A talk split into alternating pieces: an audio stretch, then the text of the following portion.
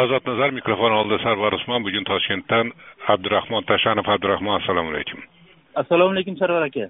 Kecha ko'zim tushib qoldi. Bobomurod abdullayev bilan bir qisqa muloqot qilibsiz to'g'risi bobomurod abdullayev atrofida bo'layotgan ishlarni men tushunganim yo'q. Siz bironsi tushundingizmi? Albatta masalan buni ochig'ini aytish kerak. Jamoatchilik qanchalik o'sha u hibsga olinganda juda hayron bo'lgan bo'lsa ajiotaj qilingan bo'lsa shov shuv bo'lgan bo'lsa uni qo'yib yuborilishi ham xuddi shunchalik bir haligi shov shuvlarga sabab bo'ldi. Bu bo'yicha bobomurod o'zi bilan o'tirib ancha gaplashdik. Man birinchi agar ruxsat bersangiz sarvar aka ishni huquqiy tomonlari haqida tushuntirib bersamda keyin marhamat qiling marhamat qiling ha. Demak bobomurod abdullayev taniqli jurnalist endi jamoatchilikka tanishtirishi hojati yo'q demak o'zbekiston respublikasi davlat xavfsizlik xizmatini tergov boshqarmasi tomonidan o'zbekiston respublikasi jinoyat kodeksini bir yuz ellik sakkizinchi moddasi bir yuz ellik to'qqizinchi moddalari bilan ayblanyapti hozir o'sha ehtiyot chorasi moddani nomini aytib qo'ymasangiz tushunarli bo'lmaydi. Demak o'zbekiston respublikasi jinoyat kodeksini bir yuz ellik sakkizinchi moddasi bu o'sha prezident shaxsiga suiqasd qilish uni obro'sizlantirishga qaratilgan jinoyatlar turkumiga kiradi bir yuz ellik to'qqizinchi moddasi esa e, aytaylik e, konstitutsiyaviy tuzumga tajovuz qilish e, haligi nima deydi jinoyatlarni o'z ichiga oladi. Endi bu moddalarni dispozitsiyasi bu moddalarni sharhi shunchalik kengki uni masalan jamoatchilik juda tor tushunadi. Bir xil paytlari masalan aytaylik faqat qurolli qo'zg'olonlar yoki bo'lmasa qurolli to'ntarish boshqa nima deb tushunishi mumkin. Lekin aslida masalan aytaylik maqola orqali yo bo'lmasa ommaviy chiqishlar orqali da'vatlar orqali ham bu moddalarni bevosita masalan shaxs sodir etishi mumkin. Men tushunishim bo'yicha bobomurod abdullayevga qo'yilayotgan ayblovlar orasida shunaqangi narsa bor. Aynan shu moddalar bo'yicha ayblanayotgan to'g'risidagi informatsiyani siz qayerdan oldingiz? Buni birinchidan bobomurod abdullayev o'zi aytdi o'zi rasman bunga izoh berdi. Buni menimcha bugun erta o'sha jamoatchilikka o'zi ham oshkor qiladi. Va kecha men gaplashgan paytimda bobomurod abdullayev o'sha milliy xavf endi davlat xavfsizligi xizmatiga so'roqqa olib kelgan paytda unga o'sha yaxshi muomala qilinib uni protsessual o'sha huquqlari to'liq ta'minlangan to'liq ta'minlandi meni advokatim to'liq yonimda bo'ldi sergey mayorov buni o'sha advokat o'zidan ham so'rashlaring mumkin deb menga gapirdi va moddalarni aytdi moddalarni aytdi ha va moddalar va moddalarni aytdi chunki chunki men bejiz so'ramayapman chunki o'sha qirg'izistonda qo'lga olingandan keyin bosh prokuraturani bayonoti chiqdi. O'sha bayonotda aytilgan emas edi. To'g'rimi? Moddalar. To'g'ri lekin haqiqatdan e, bobomurodni o'zini aytishi bo'yicha e, o'zbekiston respublikasi jinoyat kodeksini bir yuz ellik sakkizinchi ellik bir yuz ellik to'qqizinchi moddalari bilan ayblanyapti bu moddalar demak e, o'zbekiston respublikasi prezidenti shaxsiga suiqasd qilish e, va konstitutsiyaviy tuzumga tajovuz qilish e, jinoyatlarini o'zida aks ettiradi. Ya'ni bu moddalarga ozgina sharh beradigan bo'lsak o'zbekiston respublikasini prezidentiga tajovuz qilish degani bu faqat qurolli tajovuz yo jismoniy boshqa emas balki o'sha matbuot orqali ommaviy axborot vositalari orqali davlat orqali ham bu narsalar sodir bo'lishi mumkin. Bu jinoyat kodeksini dispozitsiyalarda aytib qo'yilgan e, xuddi shuningdek e, o'sha e, konstitutsiyaviy tuzumga tajovuz qilish ham xuddi shu narsalarda anglashiladi. Demak hozir bobomurod abdullayev shu moddalarda ayblanayotgan ekan tergov davomida uni o'sha vaqtinchalik ozod qilish ya'ni sudgacha tergov tugaguncha munosib xulq atvorda bo'lish tilxati bilan ozodlikka chiqarilgan advokati va o'zi munosib xulq atvorda bo'laman. Protsessual qoidalarni buzmayman. Tergovlarga o'z vaqtida kelib yordam beraman degan tilxatlari yozib bergan. Mana shuning uchun buni tushundim. Qarang o'sha jinoyat kodeksini ikkita moddasi bo'yicha unga u jinoyat qilganlikda gumon qilinayotganligi aytilibdi unga ha? Ha. Jinoyati nimada ekan o'sha? U gumon qilinayotgan jinoyat nima ekan o'sha? Endi hozir matbuotga beradigan intervyusida ham odamlar bilan gaplashganda ham boshqasida ham protsessual tergov harakatlari olib borilayotganligi tufayli jinoyatlar haqida konkret ma'lumot bermadi aytaylik masalan abdurahmon bu siz o'zingiz yaxshi tushunasiz protsessual normalarga ko'ra men tilxat berganman tergov siri haqida bironta shaxsga yoki ommaviy axborot vositalariga e'lon qila olmayman degan gapni aytdi mana shu narsadan kelib chiqadigan bo'lsak hozir men sizga va jamoatchilikka nimada ayblanayotganini aytolmayman detallarini bilmayman to'g'rirog'i o'zim ham bilmayman shu ma'noda e, bobomurod abdullayev menga shu e, narsalarni aytdi. Lekin bilishim bo'yicha e, unga tergov davomida o'sha ochiqda yurish ya'ni ozodlikdan mahrum qilinmagan yoki ushlab turish holati ko'zlanmagan haligi tergovda qatnashish huquqi berilgan. Va o'zi aytdiki mana advokat mayoridan ham so'rashinglar mumkin dedi. Har bitta nimada haligi tergov jarayonlarida boshqalarida hammasida advokatim qatnashadi degan gaplarni aytdi. Taxminingiz nima deb so'ramoqchi emasman. Lekin agar ushbu suhbat davomida aytishingiz mumkin bo'lgan taxminingiz bo'lsa aytgingiz kelsa ayting. Yo'q meni endi taxminim yo'q man e, faqat e, eslatib o'tishim mumkin. E, o'sha nima paytda bobomurod abdullayev bishkekda qo'lga olingan paytda o'zi jurnalistlarga qisqagina bir minutlik intervyu bergan ya'ni bir qanaqadir mergan taxallusida bir haligi ijtimoiy tarmoqlarda E, maqolalar yozganlikda ayblanayotgani to'g'risida o'zi gapirgan endi masalan mani u taxminim emas yoki bo'lmasa bilganim ham emas e, uni o'zini gaplarini jamoatchilikka eslatmoqchiman. Yani tushunmayotgan yana bir jihat shuki endi ataylab qo'shni davlatga so'rov jo'natib ushlab beringlar deb keyin bir necha tonna kerosin sarflab bobomurodni o'zini aytishi bo'yicha harbiy samolyot jo'natib o'sha samolyotda olib kelib birdan chiqarishib yubordi chiqarib yuborgani albatta yaxshi ozodlikda yurgani yaxshi lekin bas chiqarib yuborishgan ekan demak ijtimoiy xavfi agar bobomurod abdullayev qandaydir bir qilmish qilgan bo'lsa u qadar xavfli emas ekan bas bu qadar xavfli bo'lmasa bir necha tonna kerosin sarflab olib kelishni ham hojati balki yo'q edi. Men shuni tushunmayapmanda yo'q endi bu yerda e, gap e, operativ ma'lumotlar to'plangan dalillar bilan ham bog'liq bo'lishi mumkin. Masalan aytaylik e, bobomurod abdullayev deb o'ylangan odam ehtimol boshqa bo'lishi mumkindir yoki boshqa bo'lgan endi tergov siri bo'lgan narsalar siz bilan bizga qorong'i bo'lgan narsalar juda yam ko'p shuning uchun albatta u sudga kelganda masala hal bo'ladi. Hozir tergovdagi ehtiyot chorasi aytaylik. Nima bo'lishi mumkin? Yoki bo'lmasa shunday holatlar ham e, hayotda bo'lib turadi. Mana masalan e, gumondor shaxs aytaylik man tergovga yordam beraman shu masalada deyishi mumkin.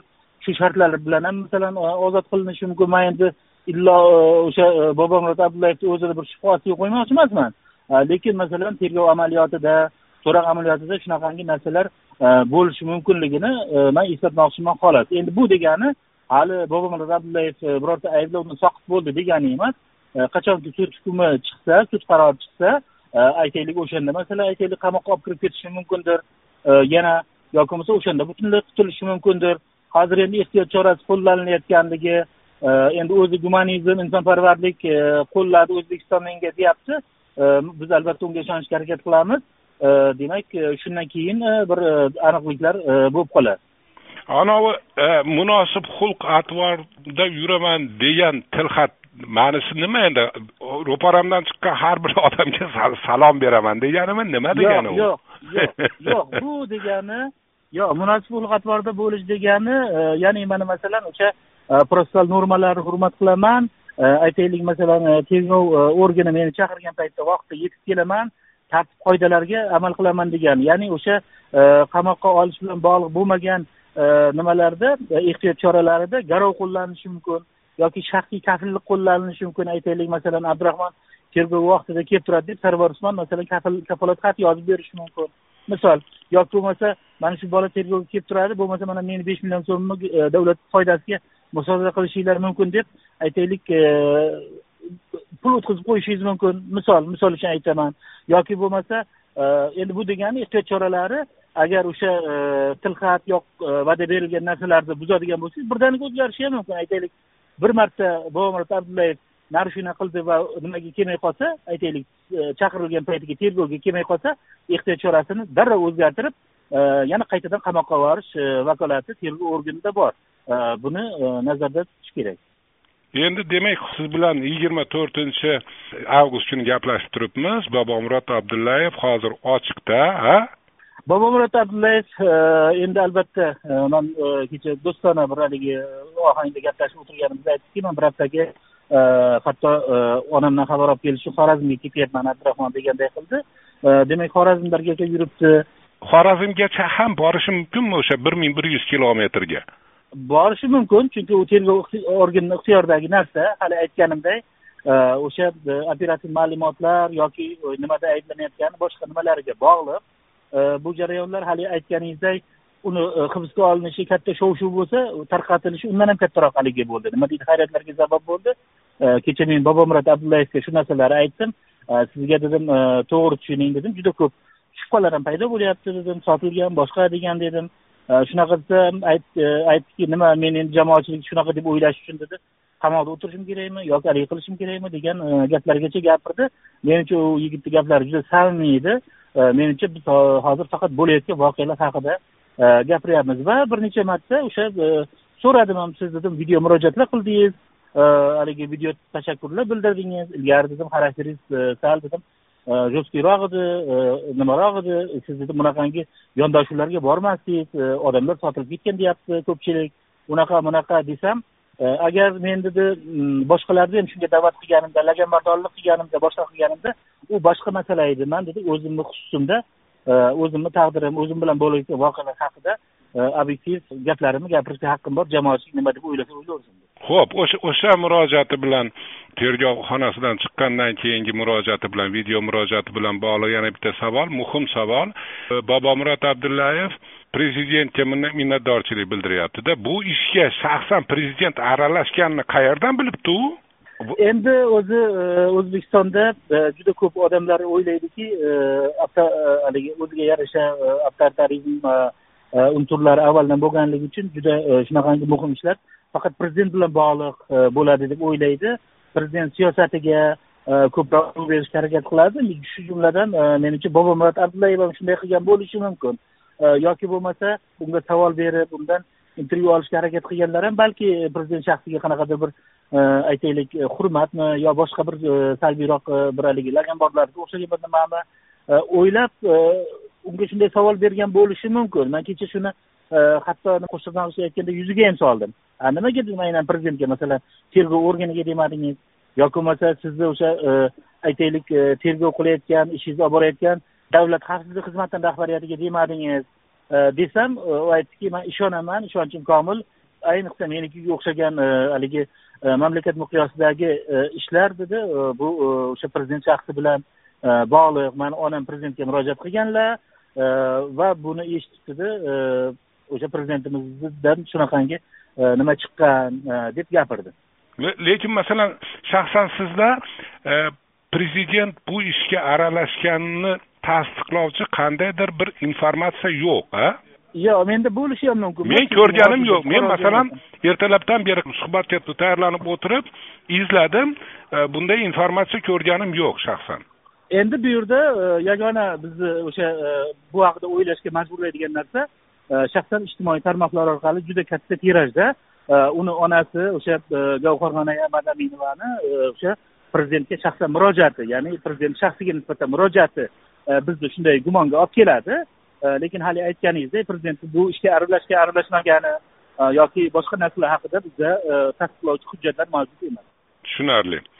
Tushunarli. Keling endi boshqa mavzuga o'taylik. Bu ozod nazar ozodlik radiosi men sarvar usmon jurnalist abdurahmon tashanov bilan gaplashyapmiz. Endi so'nggi xabarlardan biri yana qo'lga olish bilan bog'liq. Endi bu gal jihodchilikni targ'ib qiluvchi materiallarni tarqatgan diniy ekstremistlar guruhi qo'lga olindi degan xabar mahalliy matbuot xabar qildi. Namanganda bo'lgan ish guruhga rahbarlik qilgan ellik besh yashar shaxs o'n to'qqizinchi yilning noyabrdan yigirmanchi yilning may oyigacha abu saloh sodiq samarqandiy va boshqa ekstremist liderlar faoliyatini targ'ib qilish bilan shug'ullangan deydi. Bunday ishlar deyarli to'xtab qoluvdiyu a siz huquq himoyachisiz ezgulik jamiyatini rahbarisiz e, informatsiya sizda ko'proq bu masalada. Bilasiz sarvar aka muayyan darajada bir haligi bir o'xshatish qilmoqchi edim aytaylik bir joyga havo bersangiz aytaylik qaqrab yotgan joyga suv quyadigan bo'lsangiz albatta ekkan ekiningizdan oldin birinchi begona o'tlar o'sib chiqadi demokratiya ham xuddi shunday mamlakatga ozgina erkinlik bersangiz yoki ommaviy axborot vositalarida so'z erkinligida bir ijobiy o'zgarishlar bo'ladigan bo'lsa albatta radikalizmga o'xshagan bir haligi unsurlar ham paydo bo'lishga boshlaydi shu ma'noda keyingi yillarda e, mana endi baribir e, aytaylik e, fundamental o'zgarishlar bormi yo'qmi ha bu bahsli masala boshqa narsayu lekin aytaylik so'z erkinligi bilan bog'liq narsalardan ko'z yumib bo'lmaydi. Shu boisdan keyingi paytlarda o'sha ayrim o'sha radikal oqimga mansublikda ayblanayotgan o'sha to'dalar ularni qo'lga olish bilan bog'liq informatsiyalar ko'plab chiqib qoldi. Man bularni ko'p sudlarda ham qatnashdim. Haqiqatdan o'sha erkinlikdan foydalanib ijtimoiy tarmoqlarni ochiqligidan foydalanib e, haqiqatdan e, shunaqangi jinoyat sodir etishga yoki bo'lmasa e, shunaqangi bir haligi huquqiy qonunbuzarliklar sodir etishga intilayotgan fuqarolar ham bor. Va bu narsalar tabiiy deb o'ylayman va hukumat bunga qarshi albatta kurash olib borishga majbur va olib boryapti ham shuni xabarlarini menimcha siz bilan biz hozir matbuotda o'qib turibmiz bunday kurashni ko'lami yana karimov davridagidek kengayib ketish xavfi yo'qmi? Endi bo'lishi ham mumkin. Bu o'sha e, ularni nima deydi diniy ekstremizm yoki bo'lmasa o'sha radikalizmga moyil e, shaxslarni e, aytaylik faolligiga bog'liq. Bu faqat bizdagi ma'lumot emas. Bu aytaylik yoki hamdo'stlik mamlakatlaridagi ma'lumotlar ham emas. Bu butun dunyoda aytaylik bir kun britaniyada shunaqa bo'lyapti bir kun aytaylik amerikada shunaqa bo'lyapti.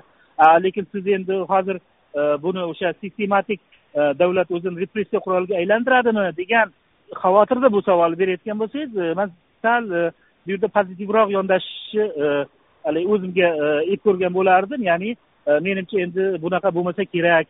Bunaqangi o'sha repressiv usullar bilan faqat o'sha ovlash quroliga fuqarolarni yoki diniy erkinliklarni bo'g'ish quroliga aylantirishga aylantirmasa kerak deb o'ylayman. Tем более hozir mana vijdon erkinligi va diniy tashkilotlar to'g'risidagi qonun jamoatchilik muhokamasiga qo'yilgan. Bunda bir bir muncha yangiliklar bor. Bunda bir muncha o'sha diniy huquqlarni kengayishini ko'rishimiz mumkin avvallarga nisbatan. Abdurahmon vijdon erkinligiga doir qonun o'zi bor ediyu menimcha yo yo'qmidi shu paytgacha? Bu to'g'risida qonun bor edi lekin o'sha juda ko'p joylari mavhum edi. Masalan aytaylik nima nima aniq bo'lib qoldi? Nimasi muhim bu yangi yangi versiyani nimasi muhim Э, yangi versiyani э, aytaylik masalan э, keyingi paytlarda amaliyotda o'sha ma'muriy javobgarlik to'g'risidagi kodekslarda jamoat joylarida e, o'sha ro'mol o'rab yurish e, masalasi e, ma'muriy huquqbuzarlik safiga kirardi. Hozir yangi qonun bo'yicha shu narsalar olib tashlanishi ehtimoli bor. Ya'ni masalan aytaylik o'zbekistondagi yigit qizlar yoki birorta bir haligi e'tiqodga mansub bo'lgan odamlar o'zlarini ro'mollarini yopinib yurishi mumkin. Yoki bo'lmasa aytaylik boshqa dinni boshqa konfessiyaga mansub mansub bo'lgan odamlar o'zlarini diniy liboslarini ko'chada bemalol kiyib yurishi mumkin bo'ladi. Mana shu e, muhim erkinliklardan bittasi bo'lsa kerak deb o'ylayman. Lekin bu hali qabul qilingan qonun emas loyiha xolos a albatta albatta bu hozir e, muhokamada regulation uz degan e, jamoatchilik portalida turibdi. Albatta bu qonun qabul qilinadigan bo'lsa yana ijobiy aytaylik o'zgarishlar e, bu e, moddalar kiritiladigan bo'lsa biz bundan juda xursand bo'lgandik bo'lardik haligi hukumat sifatida. Tamom toshkentdan jurnalist abdurahmon tashanov edi. Rahmat sizga. Rahmat sarvar aka sog' bo'ling